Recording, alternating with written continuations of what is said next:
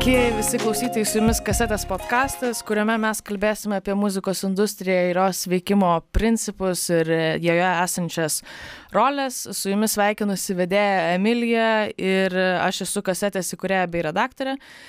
Ir šiandien svečiuose turime Martyną Butkevičių iš agentūros 8 Days a Week ir Golden Parazit vadybininką. Ir mes juo šiandien nagrinėsime būtent temą, kas yra agentūra, ką daro agentas arba kitaip sakant, bukeris, kad ir kaip mes tai įvardintume, nuo ko tai prasideda, kaip tai veikia užsienį ir galbūt kokia situacija yra Lietuvoje. Tai labas Martynai, sveiki atvykę į Start FM studiją. labas Emilija, sveiki visi. Tai žodžiu, aš tai labai mėgstu pradėti nuo tiesiog labai basic dalykų ir paaiškinti tą pagrindinę frazę agentas, bukeris, kas tai yra ir tiesiog tokį nusistatyti termą, kad žinotume, apie ką mes kalbam, naudodami šitą žodį. Matau, kad visų pirma reikia pradėti nuo to, kad e, kiekvienas save gerbintis atlikėjas, nesvarbu iš kur jis būtų, iš Lietuvos ar iš užsienio, visų pirma turi komandą, kuri dirba su juo ir pildo visas jų vizijas tai viena pagrindinių funkcijų yra vadyba ir vadybininką mes puikiai supra vadybininkas sąvoka apskritai man atrodo yra bendra bet kuriai sričiai nesvarbu kas tai bebūtų nes dauguma ir aktorių turi žmonių kurie dirba su jais ir ir ir apskritai asistentai visi ir taip toliau. Ta funkcija yra pakankamai aiški ir lietuvoj yra ji niekuo nesiskiria nuo to kas yra užsieny aišku mūsų apimtys ir priemonės kaip mes tai darom kokie mūsų kanalai ir kokios mūsų ambicijos čia kitas klausimas. O agentai Lietuvoj, mano galva, visi vadybininkai daro viską vienose rankose. Tai reiškia, jie organizuoja koncertus, jie orga, organizuoja patį procesą, kaip atlikėjas rašinėja albumus ir taip toliau, bendrauja su klientais, bendrauja su privačiais renginiais, su viešais renginiais, būkina tas pačias renginių vietas e, ir daro viską, skaičiuoja, daro biudžetus, išlošia, pralošia ir taip toliau, prisima visą riziką, viskas vyksta vienose rankose. Negalėčiau pasakyti taip, kad Lietuvoje yra toks konkretus agentas ar agentai, kurie rūpinasi tik koncertais ir nieko kito nedaro. Visi Lietuvoje dirbantis koncertų industrijai dažniausiai yra ir vadybininkai. Ir tai tame nėra nieko blogo, nes mažose rinkose taip visada yra. Norint Lietuvoje turėti tik agentus arba agentūrą, kuri rūpintųsi tik koncertais, nu, yra, yra reikalų. Ir tiesiog tų tokių organizacijų, kurios daro tai taip, kaip reikėtų daryti, jau atsirado ir labai faina, kad jų yra. Yra kažkokios bendras patirtis, jos vienyje tam tikrus atlikėjus. Ir e, tas procesas yra, bet, bet jis nėra toks, koks yra, pavyzdžiui, UK, Vokietijoje ar kažkur kitur. Nes tiesiog nu, rinkoje nėra tokių sąlygų, kad tu galėtum taip daryti. Tai gerai, tai tada kaip didžioji rinkoje veikia agentūra ir ką daro agentas? Vienintelė pagrindinė jos rytis yra bukinti koncertus. E, ne visai. Reikia turėti tai, reikia suprasti tai, kad e, koncertas yra tik vienas iš formatų, kaip atlikėjas gali pasirodyti gyvai. Agentai yra atsakingi ne tik už tai, agentai yra atsakingi už e, brandų partnerystės, tarkim taip, yra atsakingi už pasirodymus festivaliuose. Festivaliai yra atskiras žanras ir e, tam, tam tikri atlikėjai gali groti festivaliuose ir taip toliau. Uh, jie dar taip pat yra atsakingi už viską, tai yra biudžetavimą, techninių raiderių momentus ir visą tą vadinamą advancingą, kas, kas vyksta nuo pirmo laiško atlikėjui, tarkim mes vat su tavim sugalvojom atsivežti atlikėją X iš to pačio užsienio, kuris yra ten kokioj nors mažoj butikiniai agentūrai, turi ten vieną agentą, vieną vadybininką ir labai labai mažą small indie labelą. Ir taip, tas, tas žmogus su tavim derina visą procesą, tai yra, jis turi žinoti viską nuo iki kokios tavo bilietų kainos, kokioj aikštelėje vyks koncertas, kokia bus logistika, ar skrydžiai, ar autobusai, ar, ar, ar dar kažkas. Ir, nu, tai yra visa, visa grandinė veiksmų vienaip ar kitaip susijusių su koncertu. Ir e, norint, kad agentas atliktų savo darbą, tai ką jis daro? Jisai surinka visą informaciją, eina pas vadybą ir vadyba uždeda parašą ant to konkretaus koncerto arba koncertų turą arba festivalio. Jeigu vadyba sako ne, tada agentas dylina toliau. Ir agentas gyvena iš pardavimų ir pardavimų procento. Ir yra skirtingai būdai, kaip jie veikia. Didelės agentūros turi vienokį modelį, mažesnės agentūros turi kitokį, didžiai kultūra turi apskritai dar kitokį, nes tu, pavyzdžiui, turi atlikėją X, kurio honoraras yra 10 tūkstančių eurų. Čia aš kalbu apie elektroninės muzikos atlikėjus. Ir dažniausiai pagal nutilėjimą yra, tu padarai susitarimą su konkrečiu didžėjum arba atlikėju, kuris groja gyvą elektroninę muziką ir ant viršaus dedasi dar papildomas booking fee, kuris yra viešas ir tu jo negali nei mažinti, nei didinti. Tiesiog tai yra tokia sąlyga, tu kitaip negausi to atlikėjo. Su gyvais atlikėjais yra šiek tiek kitaip, nes e, tas booking fee yra įskaičiuotas jau į honorarą. O žaidimas yra toks, kad didžioji dalis žmonių net nesupranta, kaip tai vyksta ir kokios tos kainos ir kas, kas tai yra, tik dėl to, kad visa rinka tai padaryti.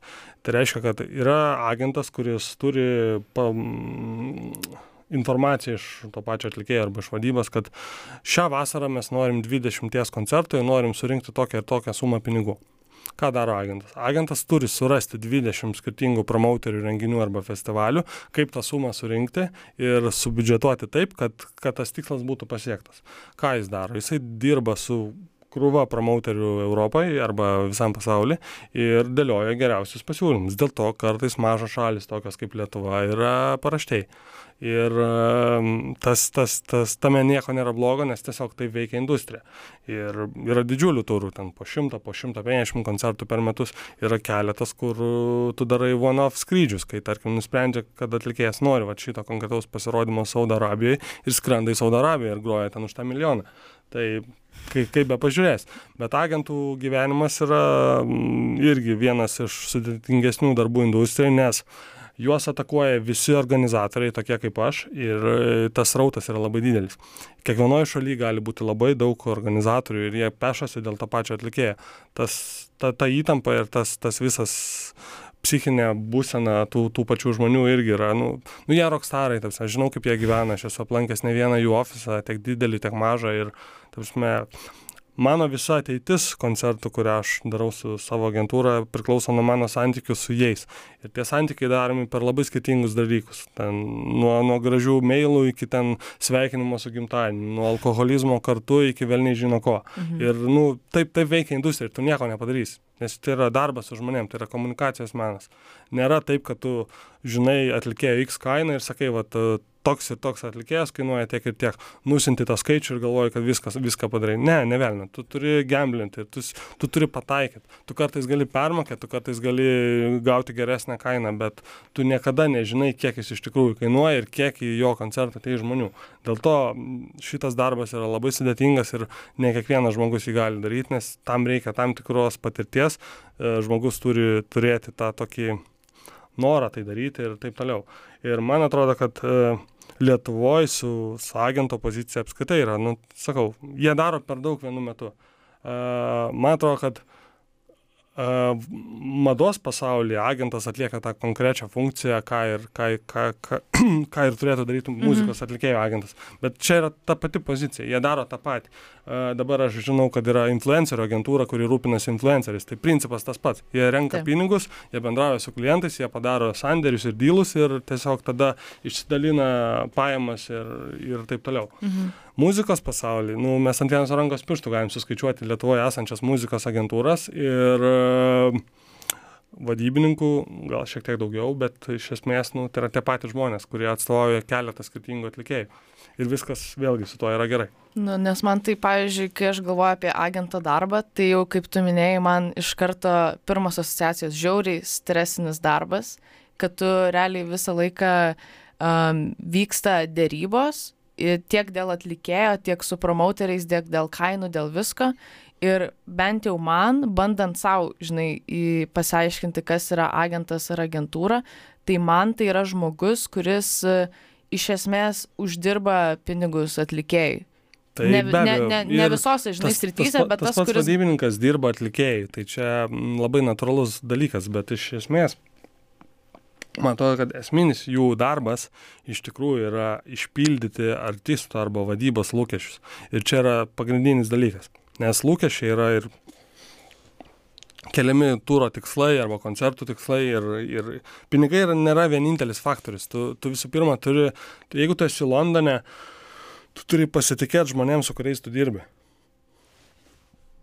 man pačiam reikėjo ne vienerių metų visiems įrodyti, kad Lietuvoje yra va, tokia ir tokia organizacija, jie mato taip, jie daro taip ir taip ir taip. Laikėjo labai labai daug laiko, ne vieno susitikimo, ne, ne, ne vieno mailo ir taip toliau, kad visa tai nutiktų. Norint sukurtos ryšius, nu, čia lygiai taip pat kaip su nepažįstamai žmonėm gatvėje. Nu, tu tu negali taip tiesiog ateiti ir sakyti labas, aš iš Lietuvos, važiuokit čia, nes čia faina. Ne, taip nėra. Ir nu, tai, yra, tai yra menas. Aš, aš kiekvieną dieną mokusi. Mes dirbam 24-7, jie taip pat dirba 24-7. Jie sekmadienio naktį gali tau parašyti laišką, kad mano pasiūlymas tinka arba netinka. Ir tai yra labai, nu, normalu. Mhm. Niekas neskaičiuoja laiko, niekas neskaičiuoja nieko. Bet yra, nu, žmogiški santykiai, pabėgant nuo verslo, uh, daugiau atveria dalykų ir durų negu darybos arba kainos kelimas, kai tu pasiūlai mažiau. Ir tu tiesiog kartais pajokaudamas apie vaikus arba mėgstamus dalykus, jeigu žinai, kad agentas važinėja dviračiu arba ten whatever ką daro, tu gauni daugiau, turėdamas tą tikrą paprastą žmogišką ryšį, negu ten kalbėdamas, koks tu fainas, kiek daug pinigų tu gali pasiūlyti ir taip toliau. Tai tas niekada neveikia bet šiaip yra didžiosios agentūros tai yra major ir yra mažosios tokios butikinės kur turi mažiau atlikėjų jie šiek tiek lankstesni ir ir įdomesni. Rinka dabar taip susiskirsčiusi kad didžiosios agentūros viena su kita susijungė arba viena kitą nupirko ir nu ten ten yra visa industrija tai yra milijoninė industrija ten yra labai labai daug pinigų ir ir sakau jeigu viskas klojasi gerai tos agentūros tikrai gyvena labai gerai iš kitos pusės didžiosios agentūros atstovauja ne tik muzikos atlikėjus bet ir sportininkus atletus spykerius pasaulinius spykerius įvairių žanrų. jo galima galima taip sakyt. Tuos žmones kuriuos už pinigus tu gali atsivežti į vieną ar kitą formatą ar, ar konkretų renginį. Mes kol kas dirbam tik su muzikos atlikėjais, aš kol kas nelendu į kitas rytis, bet jeigu nutiks taip, kad man reikia spykerių, aš tikrai žinosiu, kam, kur ir kaip parašyti. Tai mhm čia toks. Bet gal iš vienos pusės gerai išlikti vienoje srityje ir būti labai konkrečiam, o ne mėtytis per visur, žinai, ir tu Žinoma, apie viską ir apie nieką. Ir tie patys muzikos agentai ne, neturi aktorių arba sportininkų, nes tai yra tiesiog per sudėtinga, neįmanoma. Yra padaliniai, yra departamentai, kurie dirba tik su tuo ir tuo. Tai tu jau įvardinai du pagrindinius, nu, tokius išskiriai kelias agentūras, kad yra tos didžiosios. Taip. Tai ar jos siejasi su major labelais? Ne tai, ne kad visai? jos siejasi, bet jos turi, bet turi geriausius atlikėjus, turi didžiausią įtaką, turi didžiausią svorį. E, tos agentūrose kartais dirba ir po šimtą žmonių ir panašiai. Tai tu įsivaizduoji, ką reiškia išlaikyti organizaciją su šimtu žmonių, kuri gyvena iš muzikos. Tai, nu, ten ten labai didelis ir labai daugiasluoksnis verslas ten daug magijos yra. Yra susitarimai su festivaliais kurie niekada nesikeičia. Kaip tokių festivalių kaip glastonbery lainapai padaromi? Nu tai nėra taip kad atverti baltą lapą ir galvoji kas gros mm, kitais kas metais glastonbery jo. Kas ten gros? Ne taip nėra. Ten ten yra nu istoriniai santykiai ir jie padaryti taip kad nes tie patys žmonės dirba industrijoj labai ilgą laiką. Yra agentų kuriems yra po šešiasdešim ir jie vis dar varo taip pat vaikšto į koncertus geria alų pirmose eilėse ir žiūri tas jaunas grupes. Tas yra labai nuostabu. Man kaip tokio amžiaus mm, industrijos žaidėjui tai pats tas. Nu ta prasme nes aš aš turiu energijos mano tas ta tas tas atsidavimas žinai kartais yra stipresnis negu tų senesnės kartos organizatorių arba promauterių ir tas priėjimas prie agentų yra visai kitoks. Mhm. nu nes vėl mūsų matymas dar kitoks O tas... Aišku, plus mental, man, mentaliteto dalykai yra, nu, nes vėlgi Baltijos šalis ir Lietuva tik dabar po truputį atpažįstama jų žemėlapiuose. Tik pagaliau mes esam ten, kur norėjom, kad ten būtume. Ir tas, tas yra labai faina. Mhm. O tie skirtumai tarp tų didžiųjų, sakykime, agentų ir mažųjų, ar jie yra tiesiog žanriniai dažniausiai? Nu, kad, ne, pavyzdžiui, tai niek, tai, turi tai, popsą, tai, niek, tai, tai nesusijęs nesusijęs su žanrais, tai susijęs su atlikėjų svoriu, uh, įtaka ir aktualumu. Ir, nu, ta prasme, jeigu vienam kambarį sėdi ten septyni agentai ir jeigu kažkas pama, pasakė, kad vakar buvo koncerte ir pamatė labai įdomią grupę, kurios pavadinimas yra X, visi kiti šeši agentai neturi teisės lysti prie tos grupės. Tai yra vidiniai susitarimai, jie dalinasi taip atlikėjais. Agentūros tarpusavėje pešasi dėl tų atlikėjų, netiesiogiai, ten nėra tokių ypatingai didelių konfliktų, bet vis tiek visi, visi nori tų, tų dalykų. Ir toks dalykas, kad atlikėjai keičia agentus arba agentūras irgi egzistuoja ir tai yra labai normalu, lygiai taip pat kaip su vadybininkais. Mhm. Netgi ir Lietuvoje grupės keičia vadybininkus ir tai yra vėlgi viskas su tuo labai gerai kaip ir normaliam gyvenime ar, ar santykiuose. Tai, mm. Bet vėlgi yra lojalumas, yra tradicijos, yra kažko, kažkokie netvarkai, kur nu, tu nieko negali keisti, ar, ar tiesiog taip, taip yra ir, ir viskas su to yra fainai. Bet iš esmės, nu, agentai yra čia toks man, mato, kad tame yra labai daug romantikos. Aš žinau, kaip jie gyvena, aš pats stengiuosi būti labai maža dalim prie to, nes aš vienai par kitaip priklausomas nuo jų ir jeigu ne, ne jie, mes apskaitai negalėtume čia iš savo pusės atsivežti kažko, uh, lygiai taip pat ir visi kiti, kurie tai daro. Ir uh, vienintelis dalykas, kas, kas, kas, kas, kas man tikrai įdomu, tai va būtent tie santykiai. Tik, tikrai žmogiški santykiai, nes tik ant jų viskas stovi. Mhm. Ne ten ant kažkokių Excelio formų ar pavedimų ir sąskaitų. Nu, to prasme, čia jau eina žmogiški santykiai, o ne, o ne verslo darimas ir pinigų darimas. Taip. Nes aš tik kiek paskaitose e, dėstytojai, pavyzdžiui, pasakojo, ka, kas yra agentas, tai vienu pirmų sakinių būdavo pasakyta, kad tai yra žmonės daugiausiai uždirbantis industrijai. E, nesakyčiau taip, manau, kad yra ir daugiau kitokių, kurie tai daro negalėčiau taip pasireikšti, bet nu, čia tas pats kaip e, krepšinio agentai, ar ne? Mm. Nu, ką jie daro? Ieško talentų ir juos parduoda.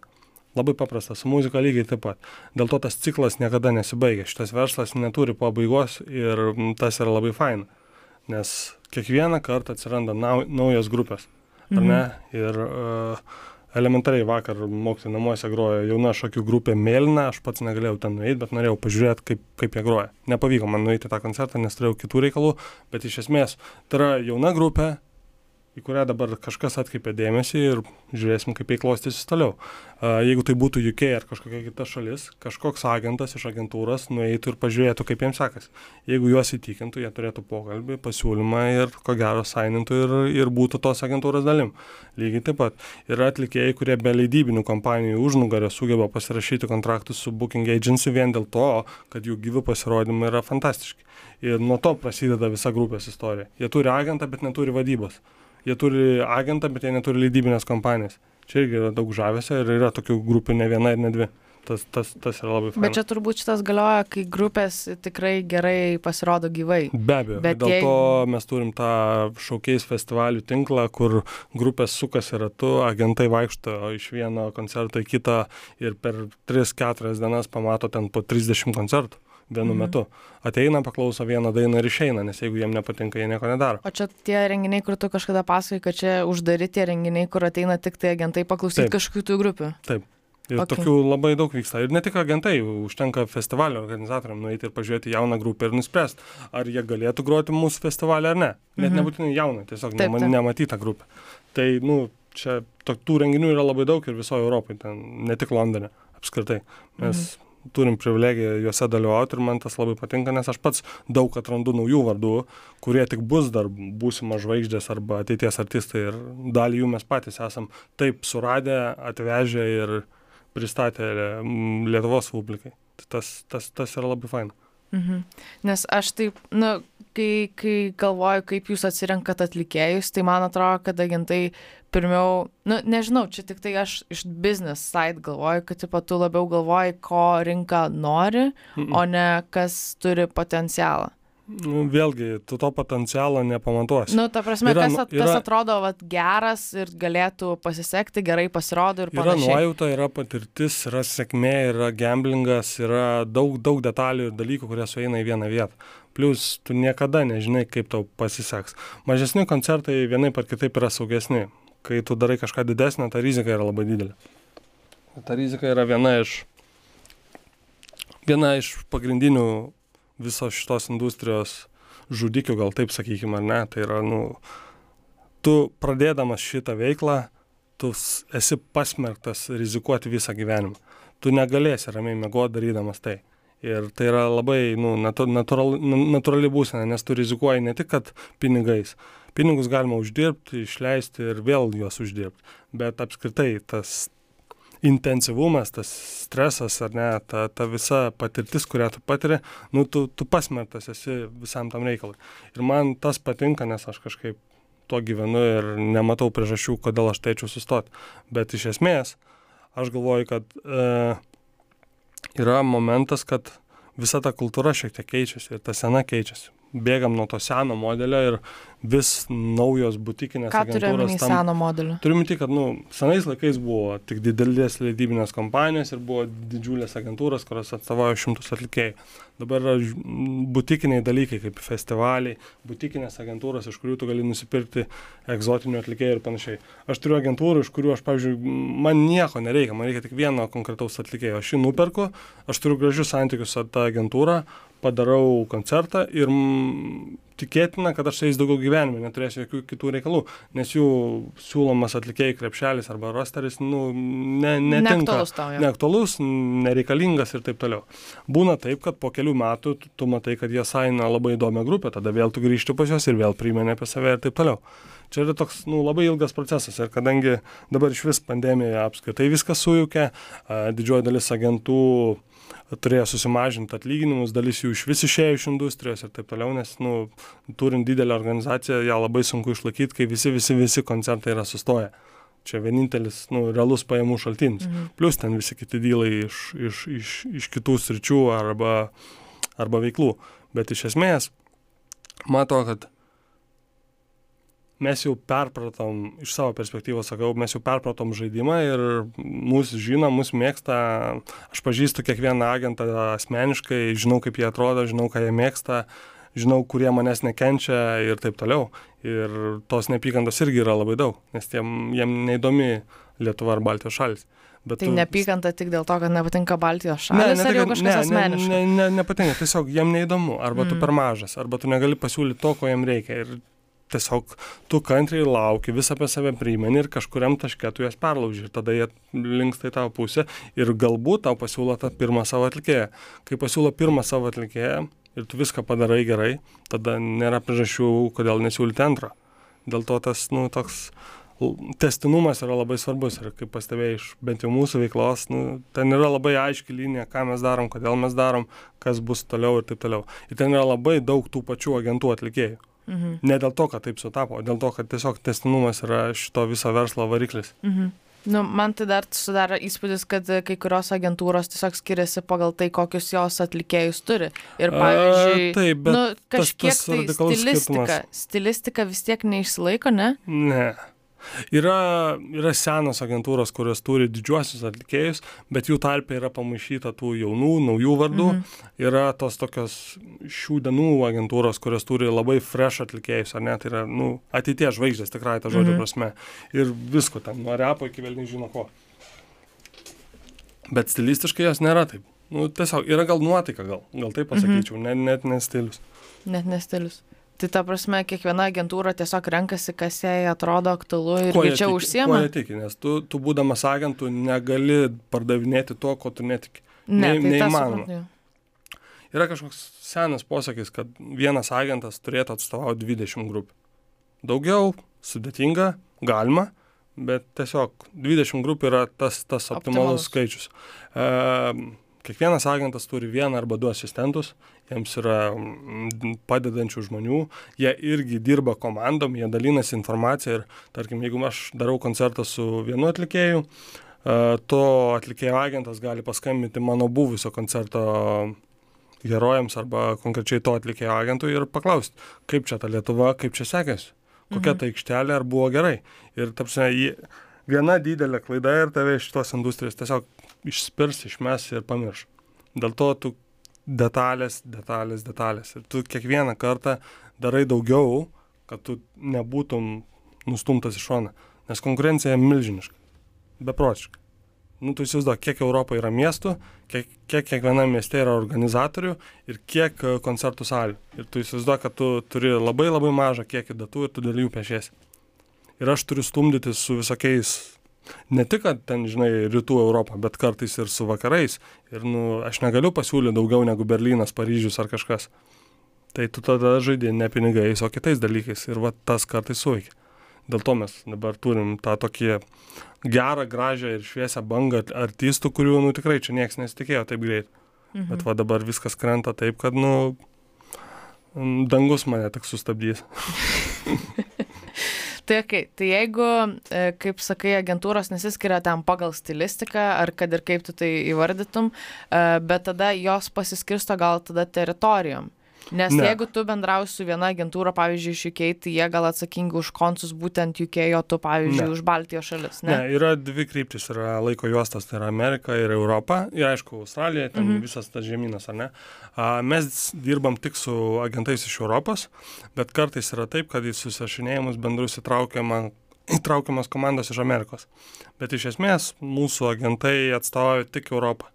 Tai reiškia, kad jeigu tu perki atlikėją, to atlikėjo agentas Amerikoje yra kitas žmogus ir mes su juo neturim jokio kontakto. Mhm. Bet labai daug vadybinių kompanijų yra vadybininkų, sėdėliai ir Junktinėse Amerikos valstijose ir dėl to tada gaunasi apskritai viskas international ir man pačiam kartais tenka ten mailus paryčiais atrašinėti tik dėl to, kad nu, laiko juostas mus skiria Mhm. kaip pavyzdys. Bet teritorijom jie nesiskirsta ir jie tiesiog renkasi tai, ko jie tiki. Ir sakau, tu, atradimas tų grupių yra nu, labai įvairus. Tai yra festivaliai, tai yra tiesiog random koncertai, kurie vyksta Londone ar visur kitur.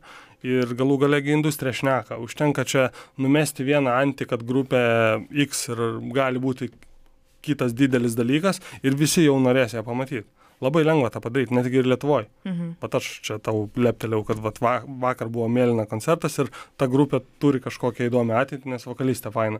Nu, okei, okay, kažkas tą išgirs, pradės čekinti mėlyną ir gal kažkam tai patiks, arba ją atras. E, tokioj rinkoje kaip Londonas taip ir vyksta.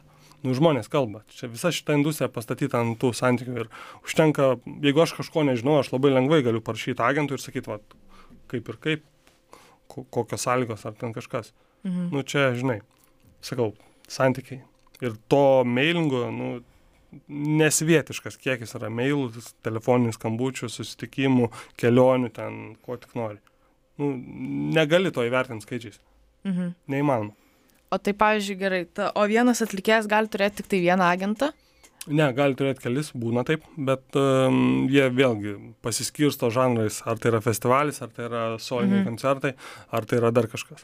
Bet sakau, jie dirba komandomis, kartais mes net nežinom, kaip ten kas susiję ir negalim sužinoti. Mhm. Bet iš esmės, jo, būna tokių situacijų, kad vienas atlikėjas turi keletą, jeigu jam labai gerai sekasi arba jis labai didelis.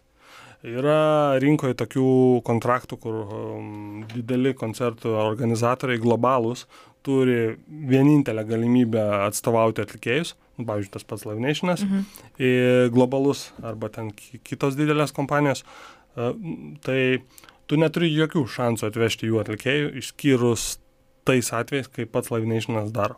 Nu, kaip pavyzdys. Mhm. Ten, žinai, nori Madonas ir nu, tu negali atvežti Madonas, nes tiesiog tai yra neįmanoma.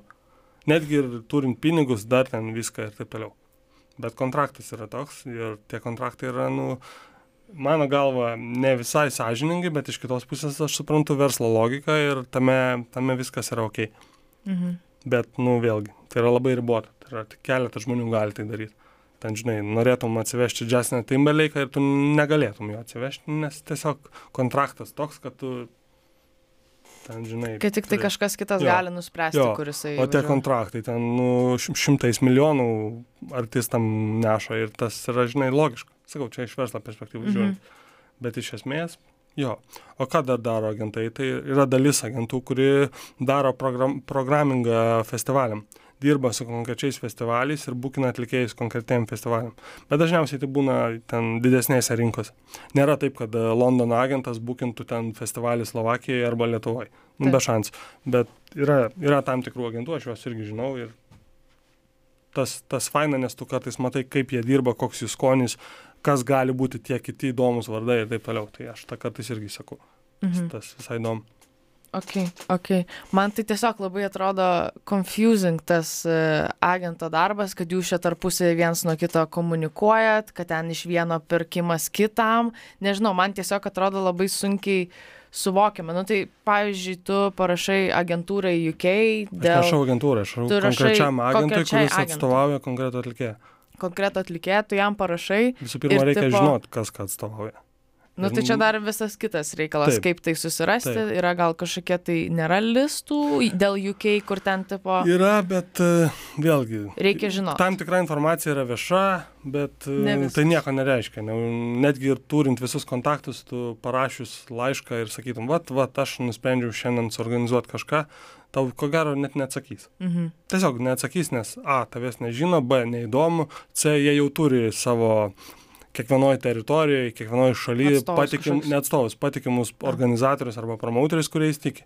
Jeigu jie turi vieną kitą promauterį, kuriais tiki, jiem daugiau nereikia. Nu, tiesiog mhm. tokia logika. Ir dėl to ta konkurencija yra milžiniška. Ir jeigu, tarkim, mes dabar su tavim sakom, davai darom kažką, tai nieko nereiškia. Okay. Tai tu parašai konkrečiam agentui dėl, dėl Konkretaus atlikėjo, atlikėjo. Taip. dėl konkretaus atlikėjo ir tada ką jis tau selina savo tą atlikėją? Ne, jis neselgia, Ne, nu, sako, prasme, kaip- ką siūlai. Ir tada tu sėdi ir galvoji. Ir, Ką tu siūlai, bet taip. ne tik iš piniginės pusės, ta prasme, nu, ką taip, siūlai. jo. tu, jam reikia žinoti viską, jam reikia žinoti koncerto vietą, koncerto datą, kontekstą, a, kitus atlikėjus, jeigu jie lipa ant tos pačios scenos, logistiką visą, salgas, kur miegosim, ką valgysim, kokie, kokie skrydžiai, nu, ta prasme, absoliučiai viską. Mes siunčiam atskirus labai didelius Excelio failus, kuriuose yra labai labai daug informacijos ir jie, mes privalome jas siūsti, nes mūsų tiesiog prašo. Čia yra tiesiog dar vienas dalykas. Bet, žinai, principas yra toks. Tu parašai pirmą laišką ir visas procesas yra iki tol, kol atlikėjas tau pamojoja oro uoste arba po koncerto grįžęs į savo gimtoją miestą arba faktinę gyvenamą vietą, parašo ačiū, buvo fainai. Tai čia visas kelias, ką daro agentas. Mhm. Nuo pirmo laiško iki kontrakto, pinigų pervedimo, koncerto išpildymo, koncerto feedbacko arba to produkšino derinimo iš anksto. Nu, tai yra viskas. Ne vadyba tą derina, Nu, o taip. agentas, nes agento darbas yra būtent tai ir tai yra visos įmanomos pajamos iš koncerto. Net jeigu tame yra remėjų, remėjų dalis lygiai taip pat priklauso jiem. Nes tu turi labai griežtus kontraktus, kad ten negali būti kažkokio logotipo per 30 metrų nuo senos ir panašiai. Mhm. Ir tokie dalykai sudėti labai į vienus vartus tas, tas kontraktas parašytas, organizatoriams nėra labai patogus, bet tu neturi kito pasirinkimo. Tu tiesiog daug, daug yra pasitikėjimo, žinai, jie kartais, jie kartais leidžia tau paskelbti koncertą net neturint sutarties. Dėl to, kad, nu, jie puikiai tave žino ir žino, kad viskas bus ok. Mhm. Jo, Čia- šitą čia- irgi skaičiau, kad tipo, ne, dažnai viskas vyksta tiesiog žodžio principu. Jo, bet žodžiu, susitarėt principų vyksta ir- tik tada, kai tu turi nuėjęs Tikrai kažkokį pasitiki. kelią, tikrai pasitikė ir žino, kad to pasitikėjimo nesulaužys. Nes pasitikėjimas ir reputacija šitam versle yra esminis dalykas. Niekas ten, tu gali būti pats geriausias pasaulyje renginių organizatorius, bet niekam tai nerūpi, jeigu tu esi nepatikimas arba tavo reputacija bloga. Bet jeigu visi kiti agentai apie tave atsiliepia gerai, jeigu visi tavo anksčiau padaryti koncertai buvo gražus, gerai išpildyti ir visiems atlikėjams labai patiko, nėra priežasčių, kodėl tavęs nemėgsta. Tai dėl to mums, pavyzdžiui, gražiai sekasi, nes mes darom daugiau negu jie prašo. Nu, tokia idėja. Mhm. Ir aš kitaip neįsivaizduoju, kaip daryti. Dėl to mes kartais prarandam, aukojam, bet mūsų tikslas toks. Mes norim, kai jie pasako Lietuva, aš noriu, kad jie identifikuotų bent jau mane pirmu arba antru numeriu. Toks, tokia vizija. Mhm. Ir tas kol kas labai puikiai sekasi. Nu, čia, žinai, labai pasišventimo reikalaujantis Nu, e, reikalas, žinai, ir- kad kiekvieną sykį ir labai asmeniškai visas tas experiences nueitų Taip. ir tai, kad tu įdedi daugiau darbo, negu iš tavęs prašoma tam, kad žinotų ir grįžtų Taip. būtent pas tave. Aš manau, kad su Lietuva, Lietuvos kontekstu yra taip.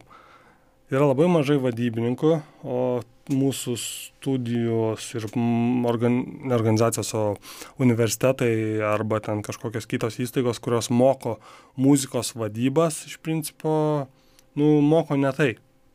Tai yra, nu, Moko ko?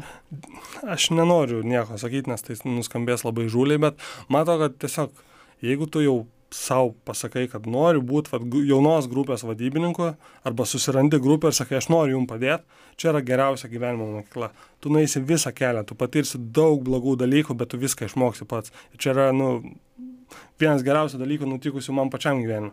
Man niekas nepasakė, kaip daryti. Aš viską nuo, nuo pat pirmo savo žingsnio kažkokiu keistu, stebuklingu būdu patyriau pats ir patyriau ten tokių dalykų, kad net nereiktų šitam podcast'ą pasakot.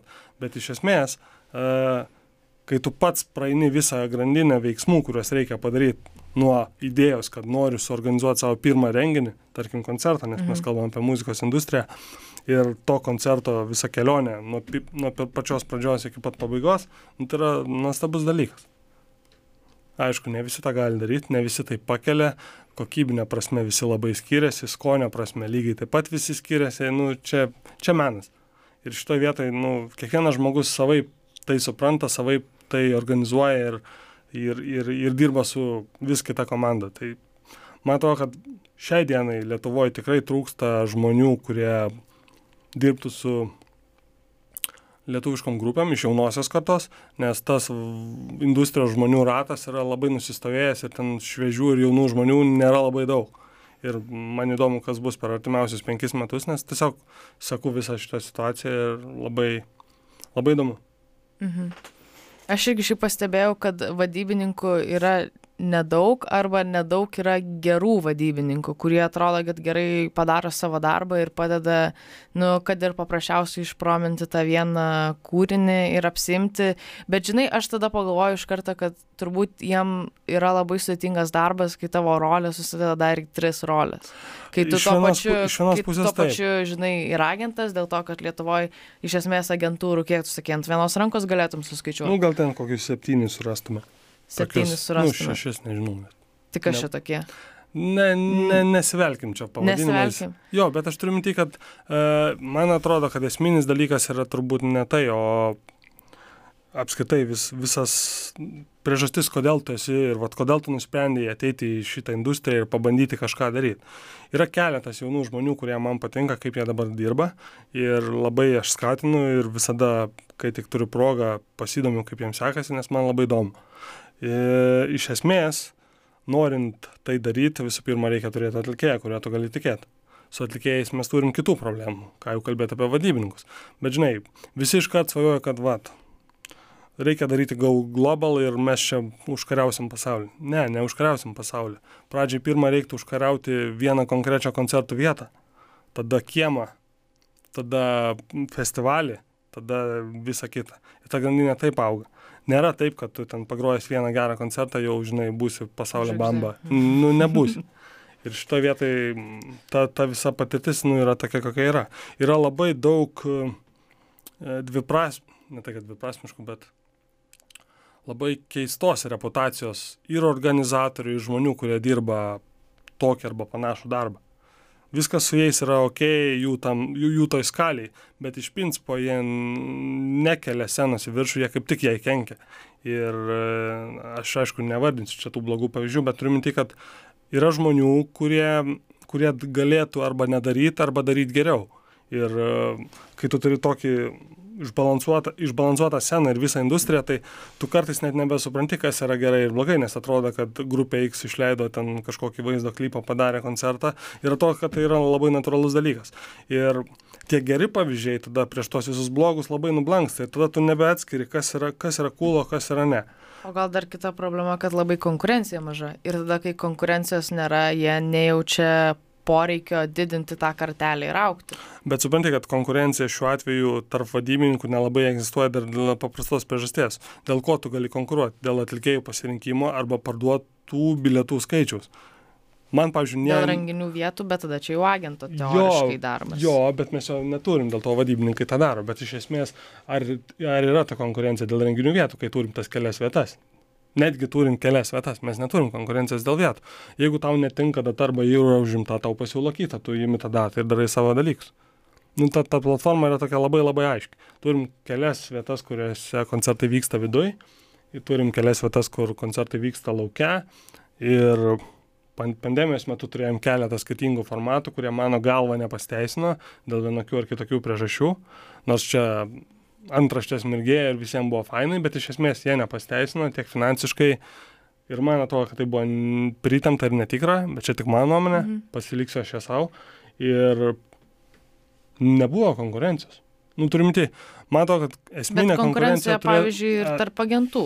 Jo, bet e, aš, pavyzdžiui, dirbdamas su viena grupe konkrečiai, man iš tikrųjų nelabai įdomu, ką daro kiti.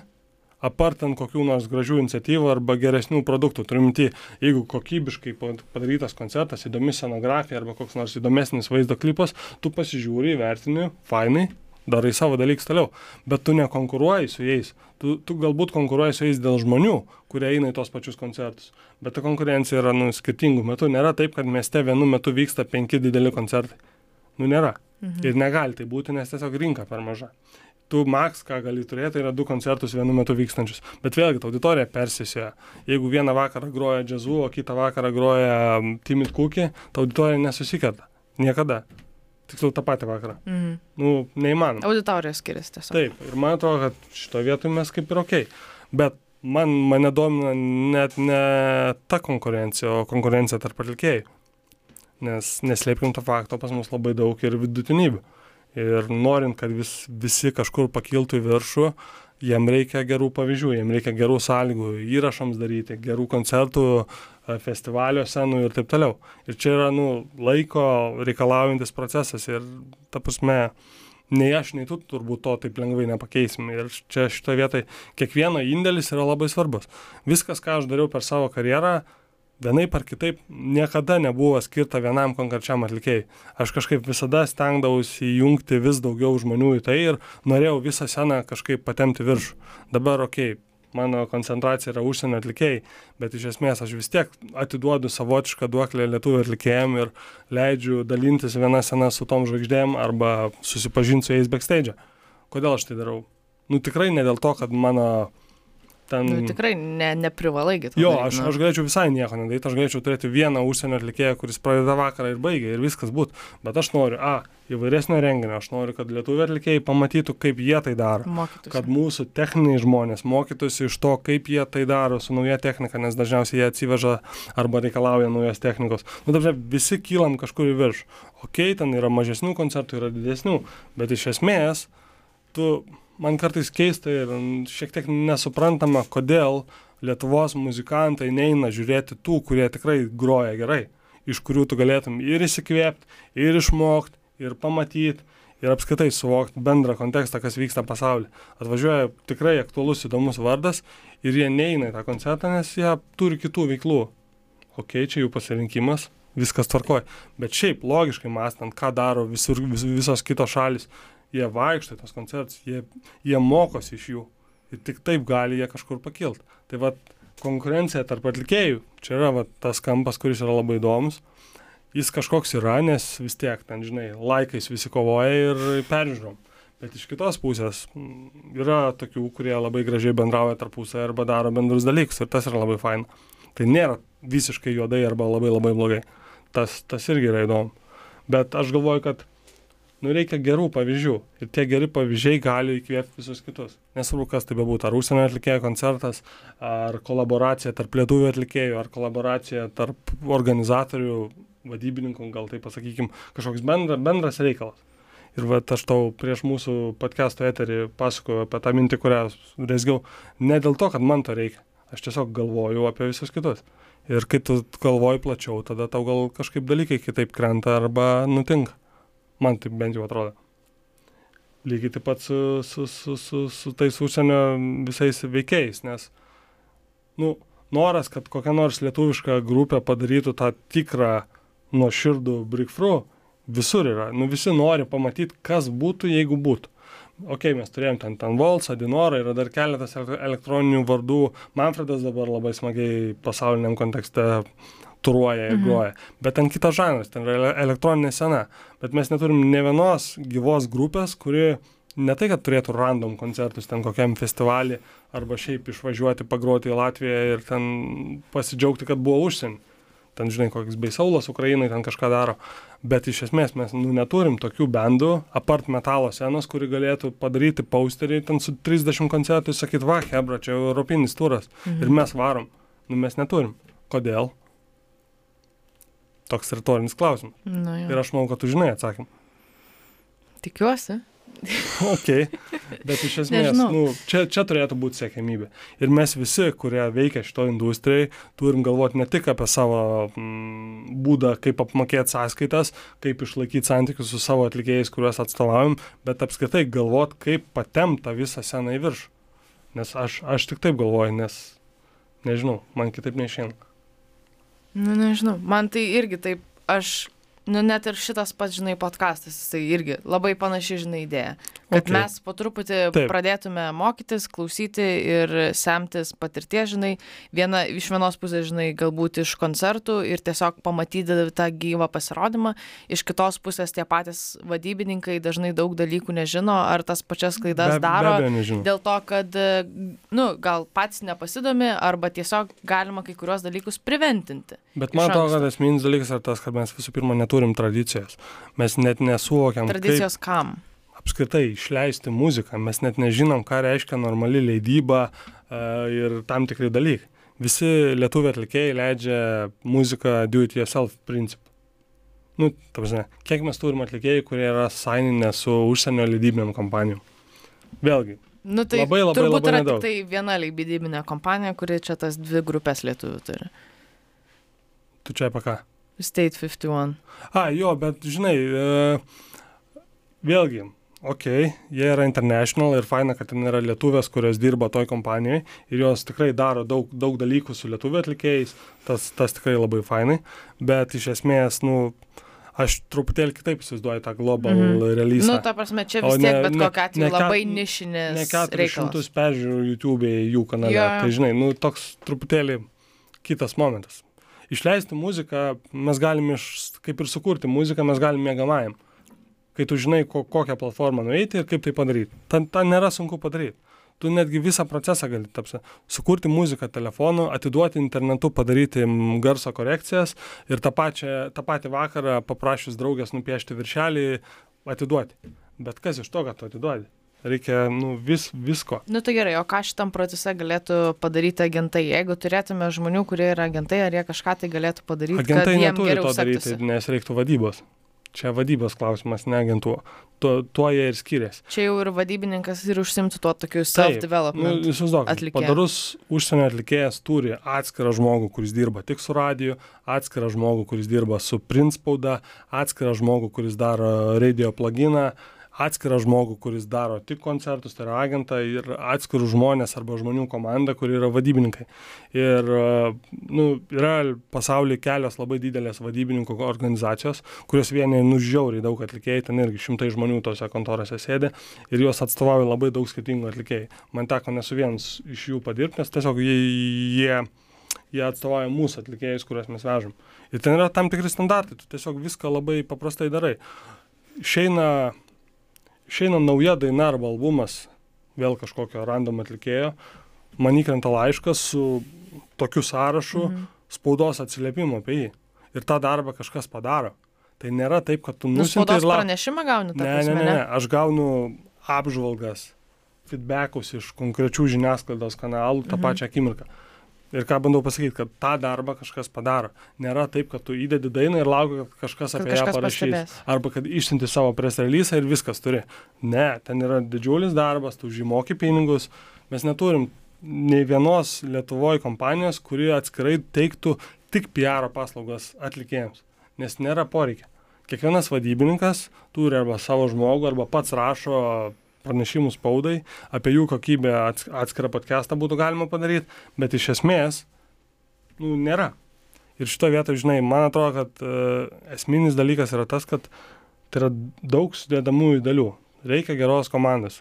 Ir grupės, kurios turi labai geras komandas aplink, lietuviškos grupės, jos yra labiausiai veikiančios, labiausiai matomos ir kažką pasiekusios. Lietuviškam kontekstui. Mhm. Apie pasaulinį kontekstą net neverta šnekėti, nes mes tikrai turim, nu, kelis vienetus. Dabar pagal visą idėją ant popieriaus e, geriausiai ir stipriausiai atrodo viena lietuvių atlikėja. Ant popieriaus. Tai yra Beatrič. Mhm. Nes už jos stovi kosminiai žmonės. Kaip jos karjera klostysis, nieks nežino, ko gero ir ji pati ne, bet už jos stovi labai dideli dėdės ir istorinės figūros muzikoje. Labai didelis dėdės. Ir vat labai įdomu pažiūrėti, ką iš jos padarys ir ar ji gali iš tikrųjų Mhm. padaryti tą breakthrough, nu, tą sėkmės istoriją. Įdomu, matysim, bet vėlgi, čia yra tik vienas iš Nežinau, pavyzdžių. pastaruoju metu tai toks jausmas iš tos pusės tai buvo labai tyla pastaruoju metu, nežinau, Nu, per nes- pastarąjį pusmetį visiškai nieko negirdėjau, tai Nes taip turi būti. toks jausmas, kad, nu, atrodo, kad daina, bet galbūt čia, žinai, žaidimas, kad padaryti tylą ir tada bombą. Ne, aš manau, kad visų pirma yra daug teisinių dalykų, kuriuos tu turi sutvarkyti. Autorinės teisės, kontraktai, kūrybinis laikas, asmeninis gyvenimas, nu vėlgi viskas keičiasi. Aš tikrai nežinau, kaip jai sekasi ir neįsivaizduoju, bet aš žinau, kas yra jos komanda ir man to užtenka. Ta pavardė, kuris sainino ją, yra nu, vienas svarbiausių žmonių apskritai muzikos industrijai. Tai reiškia, nu, kad yra svorio, yra, yra netvarkas ir yra visos galimybės iš jos padaryti žvaigždę. Ar tai nutiks? I don't know. Bet iš esmės, čia yra nu, vienas iš pavyzdžių. Bet ką mes turim dar? Nieko neturim. Ten, žinai, viena kita grupė padaro kažkokių dalykų, taip, bet tokie maži išėjimai. Mhm. Pagroja keletą koncertų, kažkas kažką išleido ir panašiai. Dabar solo ansamblis labai akcentuoja tą, kad jie juos leidžia užsienio leidybinę kompaniją. Fainai, žiūrėsim, kas iš to gausis.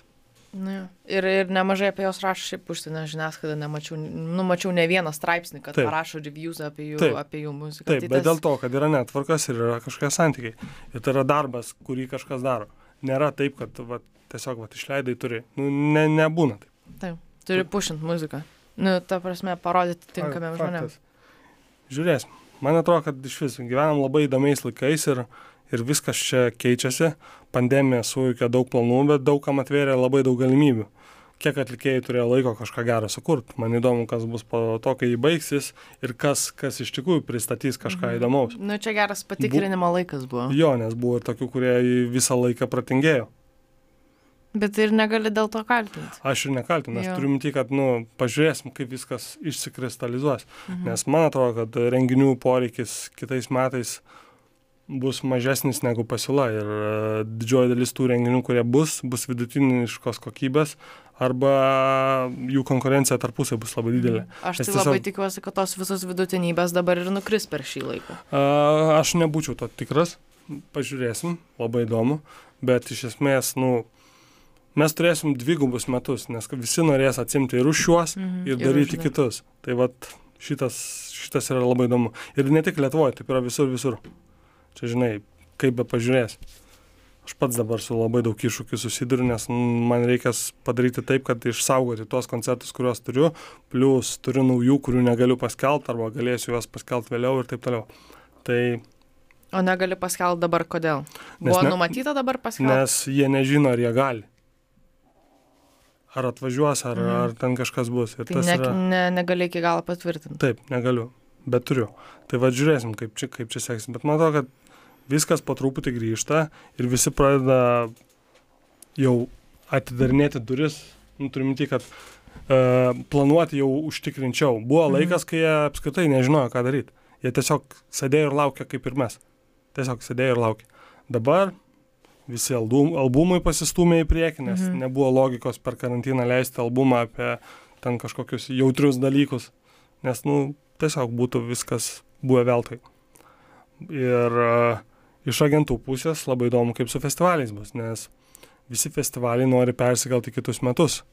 Ir vis, visa, visas bookingo procesas pasistumė per labai labai ilgą laiką. Mhm. Aš dabar jau šneku už 22 metų pavasarį.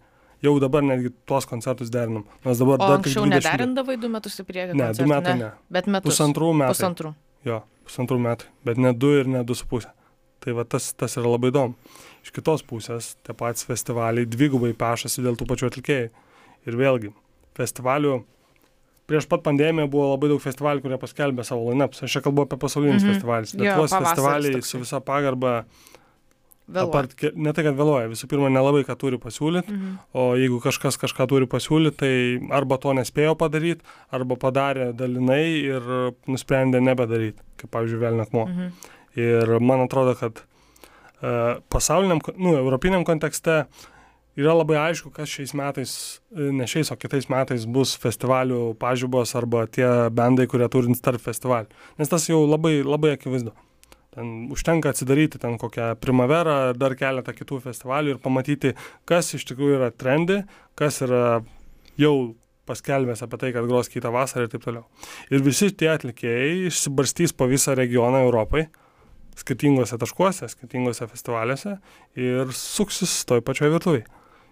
Ir turėsim galimybę juos išvysti. Tuose skirtingose festivaliuose, jeigu jie bus. Mhm. Bet žinai, Exit festivalis Serbijoje šią vasarą vyks su savo pribojimais, bet jis vyks, jo neatšaukė.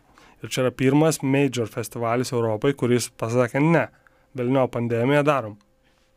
Tas yra labai įdomu. Nu, tai bus labai įdomu pažiūrėti, kaip ten sekėsi. Nu, Lietuvoje irgi 900 žmonių ly- lyg ir Liepos mėnesį bus galima. Tūkstantis bus jau š...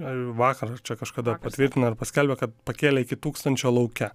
Ką reiškia tūkstantis žmonių laukia? Nu, tu didelė festivalė su daug atlikėjų ir keliom dienom, tu tiesiog nepadarysi, nes tai yra neįmanoma.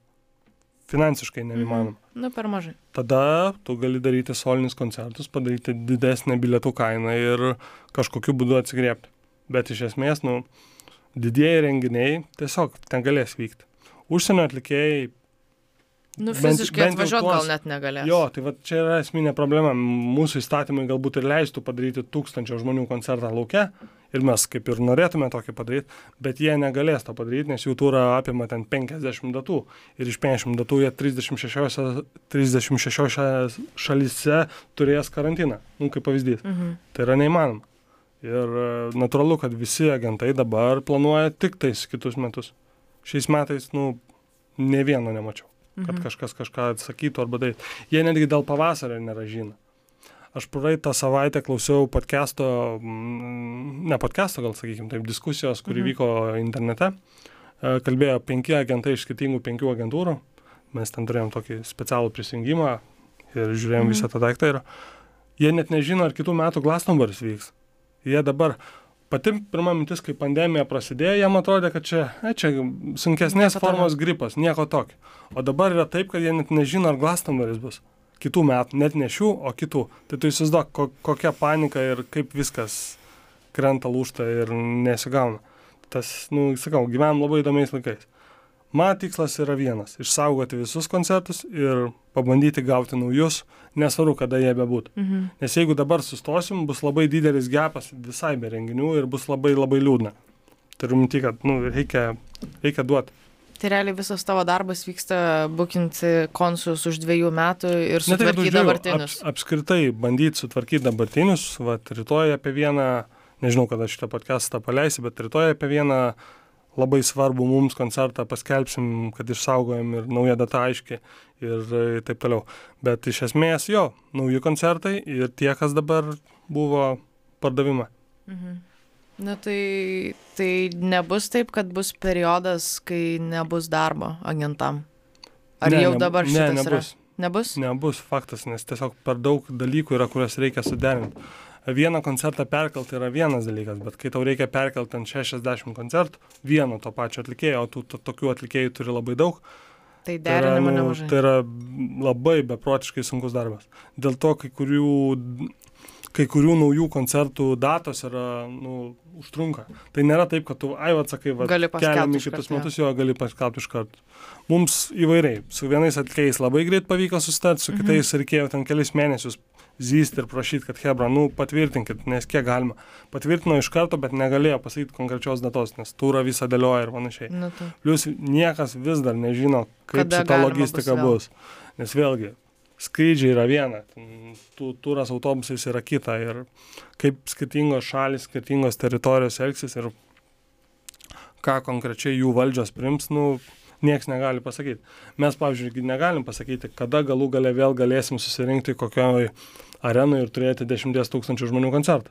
Mes dabar 300 žmonių viduje negalim turėti pagal nutarimą. Mhm. Berots 300 aš. Taip, taip, dabar neatsimenu. 150, Jo, man atrodo. 150. Nu, Liepos galėtum, Mhm. ko gero bus gal truputėlį daugiau. Aš labai tikiuosi, kad iki metų galo bent pasieksim 500 ribą. Nors norėčiau, kad Iki metų daugiau. galo turime į gruodžio. Taip. Ir tai yra labai mažai. Visi nori, kad bent tūkstantis būtų viduje. Nes su tūkstančiu jau galima daryti Kažką didesnius dalykus. Mhm. Jo.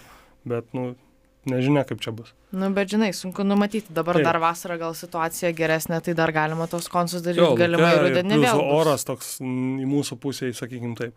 Bet žinai, agentų pusėje tu turi sudėlioti turą taip, kad tu vėl neprarastum pinigų.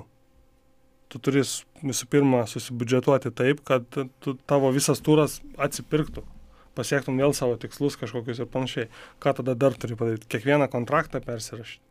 Čia vėl daug teisinių, Mhm. teisinių dalykų yra, ta prasme. Bet organizatoriai turi kitų problemų. Jie turi dylinti su žmonėm, kurie, kuriems netinka kita pasirodymo data, kuriem netinka pasiūlytas variantas. Tada atsiranda daug kitų niuansų. yra naujas įstatymas, kuris organizatorių ir vartotojų santykius šiek tiek sulygino. Lietuvoje. Ir taip, konkrečiai Lietuvoje, tas pats prezidentas mūsų pasirašė ir jis iš tikrųjų padėjo vis, visiems suvaldyti situaciją, nes pandemija nutiko ne dėl organizatoriaus kalties. Ir nu, mes visi esam tam pačiam lygmenį, tai yra toj pačioj valti ir visi ske, Nu, čia yra jau ta force majoro, ta force, sekcija. For, force majoras, kuris nutiko visiems. Ir visi turi savas atsakomybės ir tą, tą laiką, kurį turi pralaukti.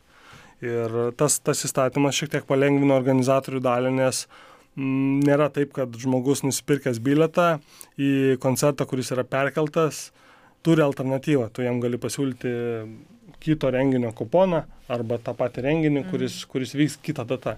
Bet yra žmonių, kuriems ta data netinka arba jie apsisprendė nebeiti tą koncertą.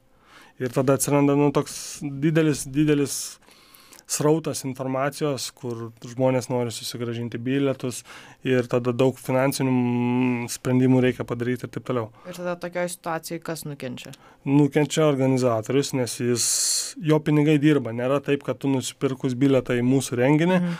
aš to, tos pinigėlius laikau savo sąskaitą ir laukiu, kada ateis Taip, graži taip. diena. Ne, tie pinigai dirba, nes tu moki už paslaugas, moki už aikštelės, moki už reklamą, išlaikai savo darbuotojus ir taip toliau. Tai yra nu, didžiulė cirkuliacija ir yra organizacijų, kurioms be šito įstatymo būtų buvę labai labai labai blogai. Ir čia yra nu, ne tik Lietuvoje priimtas dalykas, bet Europoje daug kur tie patys voucheriai yra ir, ir, ir tai veikia. Bet iš esmės, nu, sakau, ko mes prašėm, tai supratingumo, nes tiesiog kito, kito kelio nėra. Tuo labiau, kad mes vežam užsienio atlikėjus. Lietuvių atlikėjus tu gali bet kada pamatyti. O yra atlikėjai iš užsienio, kurie čia atvažiuoja vieną ir vienintelį kartą. Ir jeigu jų ta, tas koncertas yra nukeltas ir jeigu tu planavai įeiti, tai, nu, kažkaip. Gal visgi gal, galima paderinti datą.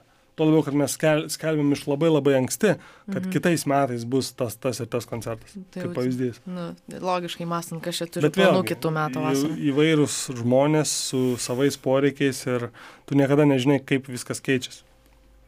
Svarbiausia yra komunikuoti ir, ir aiškiai pasakyti, kokie tavo pasirinkimai. Matau, kad didžioji dalis kolegų ir tie patys mes kažkaip suvaldėm arba suvaldysim šitą situaciją. Mhm. Bet iš agentų perspektyvos nerimas yra visų vardiklis. Visi laukia, kada visa tai baigsis. Tame tarp ir aš. Nes aš visgi noriu atgauti savo normalų darbą. Noriu su tavim pasimatyti koncerte, ne, ne prie mikrofono Mhm. arba internete. Tai čia turbūt esminis dalykas.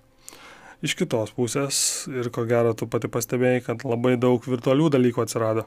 Ir tas produkcionas virtualiem pasirodymam tampa naujas, naujas new normal, kaip Taip, sakant, taip. nu trendas. Mhm. Lietuvoje, aišku, to nėra, nes Lietuvoje nelabai, nelabai to monetizuosi, bet yra puikių pavyzdžių, kur ten nu, kosminiai skaičiai. Tai Tiek tu gal, tai tu gal matei, viena pirmųjų, tai Erika Badu darė savo laivus. Mhm. Nu, čia atlikėjas, Jo, Puikiai žinau, kas tai tokia. Tai, tai jinai, iš esmės, viena pirmųjų turbūt karantino metu pradėjo daryti live konsus ir už juos uh, čardžino, nežinau, ten vieną ar du Mm. dolerius. Ta prasme, iš Taip. esmės pagalvoji, kad juokingi pinigai. Taip, jokinga. Bet, bet, no, bet kai tada susirenka daug žmonių, Taip. Tai visai susidaro suma, už kurią visai kažkiek tai bent jau Jo, atsiperka tas nufilmavimas ir Dėl to įrašymas. Lietuvoje tie koncertai už kelis eurus ne visai paėjo, dėl, nu, nes mūsų mentalas yra truputėlį kitoks. Kai yra labai daug turinio internete, kuris yra nemokamas, tu nenori mokėti to vieno euro, kad ir kaip nekingai tai skambėtų už, Taip, taip. už savo mėgstamą tada grupės klausimas, kaip tu tą idėją pičini. Tuo labiau kitas dalykas kokybinė prasme, žinai. Bet kas man labai patiko, nu, pavyzdžiui, tas pats Treviso Skoto visas išstojimas, ten, nu, ten, ten, ten, ten buvo kitas lygis, ta prasme, Mhm. mhm. net žiūri ir nesupranti, kaip jie tai padarė. Ir man atrodo, kad jis ir buvo ryškiausias tas, kuris padarė vienas pirmųjų ir tada visa banga prasidėjo. Dabar yra naujas startupas, man atrodo, Wave vadinasi, ir ten labai rimti žmonės iš muzikos industrijos, berots ar 15 ar 20 milijonų metai startupą, kuris yra iš principo virtualiam pasirodym dėl pandemijos visų reikalų. Mhm. Nes sakau, visi nežino, kas bus toliau. Jeigu ateis antra banga, Galimai. nelinkiu, nenoriu Taip, bet nereikia. visko gali būti. niekas nežino, kaip čia bus. Ir žinai, blogiausia yra tai, kad žmonės, kurie priima įstatymus, ne visada žino kontekstą. Kaip, kaip gyvena renginių organizatoriai, tas, tų žmonių poreikis renginiams ir panašiai. Ir uh, faina, kad pagaliau jie pradėjo klausyti industrijos. Mhm. Dabar mūsų valdžia turi minti. Nes buvo laikas, kai jie iš vis galvoja, kad čia renginių organizatoriai yra palaida bala. Bet iš esmės dabar, nu, atsiranda pavyzdžiai, nes visi stebi, kas vyksta aplink ir, ir tas reguliavimas yra, nu, toks atitinkamas. Mhm. Žiūrėsim. Aš kažkaip manau, kad visoji šitoje industrijoje agentai tapo labiausiai vertinami pandemijos metu dėl vienos paprastos priežasties. Be jų visa muzikos ekosistema, apskritai visa leidybinės kompanijos, vadybos kompanijos ir visi kiti, kurie dirba sektoriuje, tie patys technikai, garsistai, operatoriai, ten tas anas, visi priklausomi nuo koncertų. Ir kai koncertai sustojo, vieninteliai žmonės, kurie gali sugražinti koncertus į mūsų gyvenimus, yra agentai. Tai aš pats pajaučiau tą, kad, nu, okei, okay, aš organizatorius, aš pats ne agentas, bet e, tam visam europiniam kontekste, nu, visa tai yra viena didelė šeima. Ir jeigu tu turi labai gerus santykius su vienu ar kitu agentu, tai yra, nu, dalykas, kad tu, tu dabar rašydamas laišką nuoširdžiai klausiu, kaip tu, nes tu nežinai, kas tam antram laido mhm. gale yra. Anksčiau būdavo tas how are you, žinai, toks Tiesiog, tiesiog jo, toks, toks, toks random dalykas. O dabar tu klausi, nes tu supranti, kad nuo jo sprendimų ir nuo jo požiūrio priklausys tavo paties ateitis. Tai aš kaip organizatorius, bet tu įsivaizduok, kiek dar yra industrijai žaidėjų ir dalyvių, kurie yra susiję su gyvo pasirodymo išpildymu, nes tas pilnas produkšinas, visi kiti reikalai. Žmonės, kurie tos pačius turbasus vairuoja elementariai, nu, kaip pavyzdys. Mhm. Yra krūva, krūvas sektoriaus dalyvių ir muzikos industrijos veikėjų, kurie viską daro, kad tie gyvi pasirodymai išvystų dienos šviesą. Ir jie vis, juos visus palėtė ir, sakau, kas yra gelbėtojai dabar, tai yra ne politikai, kurie priima tuos sprendimus, o agentai ir skirtingi festivaliai arba organizatoriai, kurie sugeba per labai trumpą laiką tokiom sudėtingom sąlygom susitarti dėl naujų koncertų datų, viską suderinti taip, kad visa tai tęstųsi. Nu, čia, mhm. čia yra mhm. tas toks momentas. Aš pats pajaučiu tą asmeniškai, nes sakau, visai kitas santykis dabar. Nes visi vertinti vieni kitus pradėjo labiau. Dabar jau kito toks, lygio žmogiškumas, toks, žinai, kur toks, tu tikrai toks, toks geras kad... shutdownas buvo, kur, mm. nu, mhm. visi, nes visi iki tol gyveno labai labai gerą fancy gyvenimą, nes taip tiesiog. Ramu buvo. Jo, ramu buvo, nes viskas eina ir eina labai labai gerai. Bet dabar, kai viskas sustoja, jie vėl turi sukurtos naujus santykius. Ir tas, tas, tas, nu, kaip procesas yra labai įdomus. Aš pats bandau iš to viso pasimti kiek įmanoma daugiau. Ir kažkiek prisitaikyti prie situacijos. Vienareiškiškai, nes prisitaikyti tu privalai, nori tu to ar ne, supranti tu tai ar ne, čia kaip pažiūrės. Bet iš esmės patikinu, kad užsienio atlikėjai, kai tik baigsis visa šita painiava, čia norės atvažiuoti ir norės tik labiau. Ir tas yra labai faina. Ir, ir tu tai padarysi, kad jie norės. Nežinau, aš ar kiti, bet, bet kažkas tai darys. Nu, bet kokiu atveju. Aš dar pabaigai noriu Žinoma. tiesiog e, tokį apibendrinimą įmušti ir, ir prisiminti viską, ką mes čia prikalbėjom ir kokias galbūt išvadas pasidarėm. Tai visgi, kas, kas yra agentas ir kokia jo pagrindinė paskirtis muzikos industrijoje. Mes su Martinu e, dvilypiai atsakėme į šitą klausimą, bet iš esmės tai yra žmogus, kuris su, sukuruoja visą koncerto e, sakykim, pusę, aš čia dabar žiūriu, ar girdisi mano balsas, ar nesigirdi, girdisi, aš čia pati savęs negirdžiu. Uh, bet žodžiu, su, sudylina visą koncertą iki jo ne, aš, įvykimo. Aš, aš manau, kad tai yra truputėlį kitaip. Kas yra geras agentas? Jis randa patikimus koncerto organizatorius ir festivalius taip, kad uh, konkretaus atlikėjo karjera po truputį auktų. Ir visas kelias prasidėtų nuo mažų klubų pasirodymų 400 žmonių iki ten Glastonbury main stage arba Coachellos. To, to, to, toks paprastas darbas. Aišku, jis nevelnio nepaprastas. Bet iš tos pusės kaip strategavimas atrodo. Be abejo, čia, nu, ka, čia strategijos yra labai daug. Tame tarp ir mano veikloje kaip organizatorius, ne tik agento pusėje.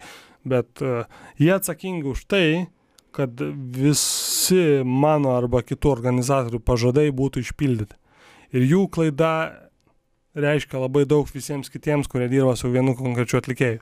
Mano klaida mane, man gali sugadinti santykius su jais.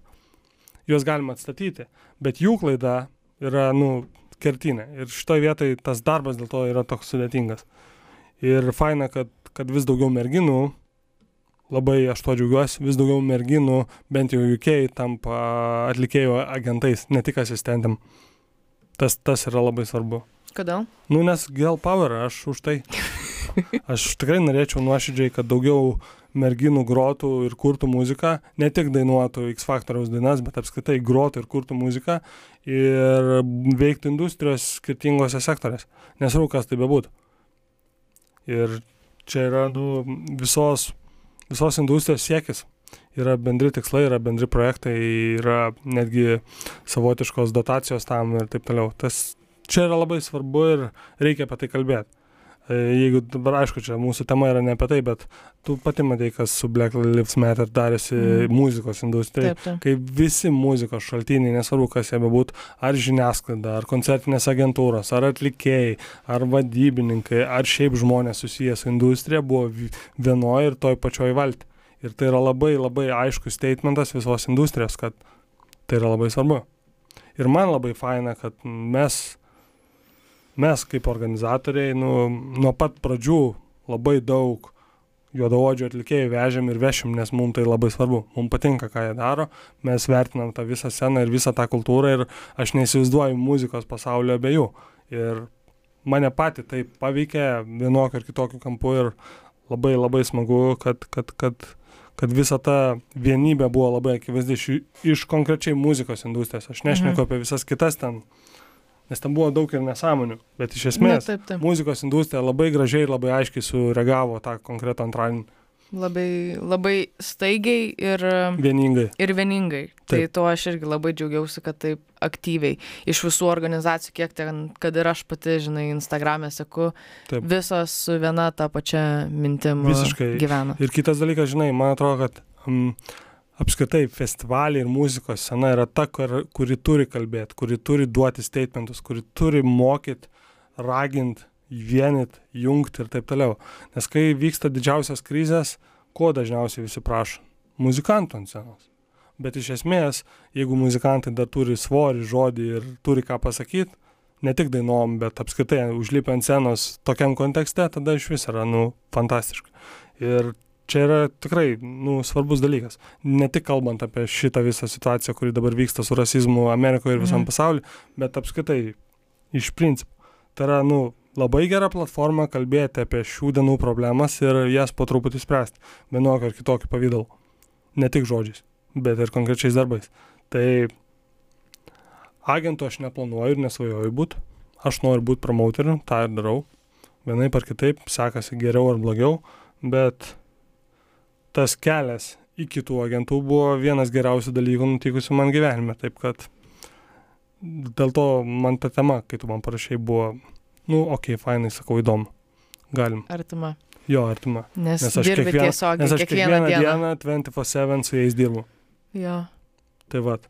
O ten kažkokių ypatingų paslapčių kaip ir, nu, nėra, žinai. Yra tiesiog susitarimai su kiekvienu konkrečiu atlikėju arba agentu. Ir Bet žmogiškas ryšys. Jo, nes vienaip ar kitaip, ar vienam ar kitam laido gale, jie vis tiek yra žmonės. Ir turi savo gyvenimus, turi savo šeimas, turi savo pomėgius ir galų galę tas pats mūsų mentalitetas vis tiek nu, nuo Britų, pavyzdžiui, skiriasi, nes mano didžioji dalis agentų yra UK. Tai va.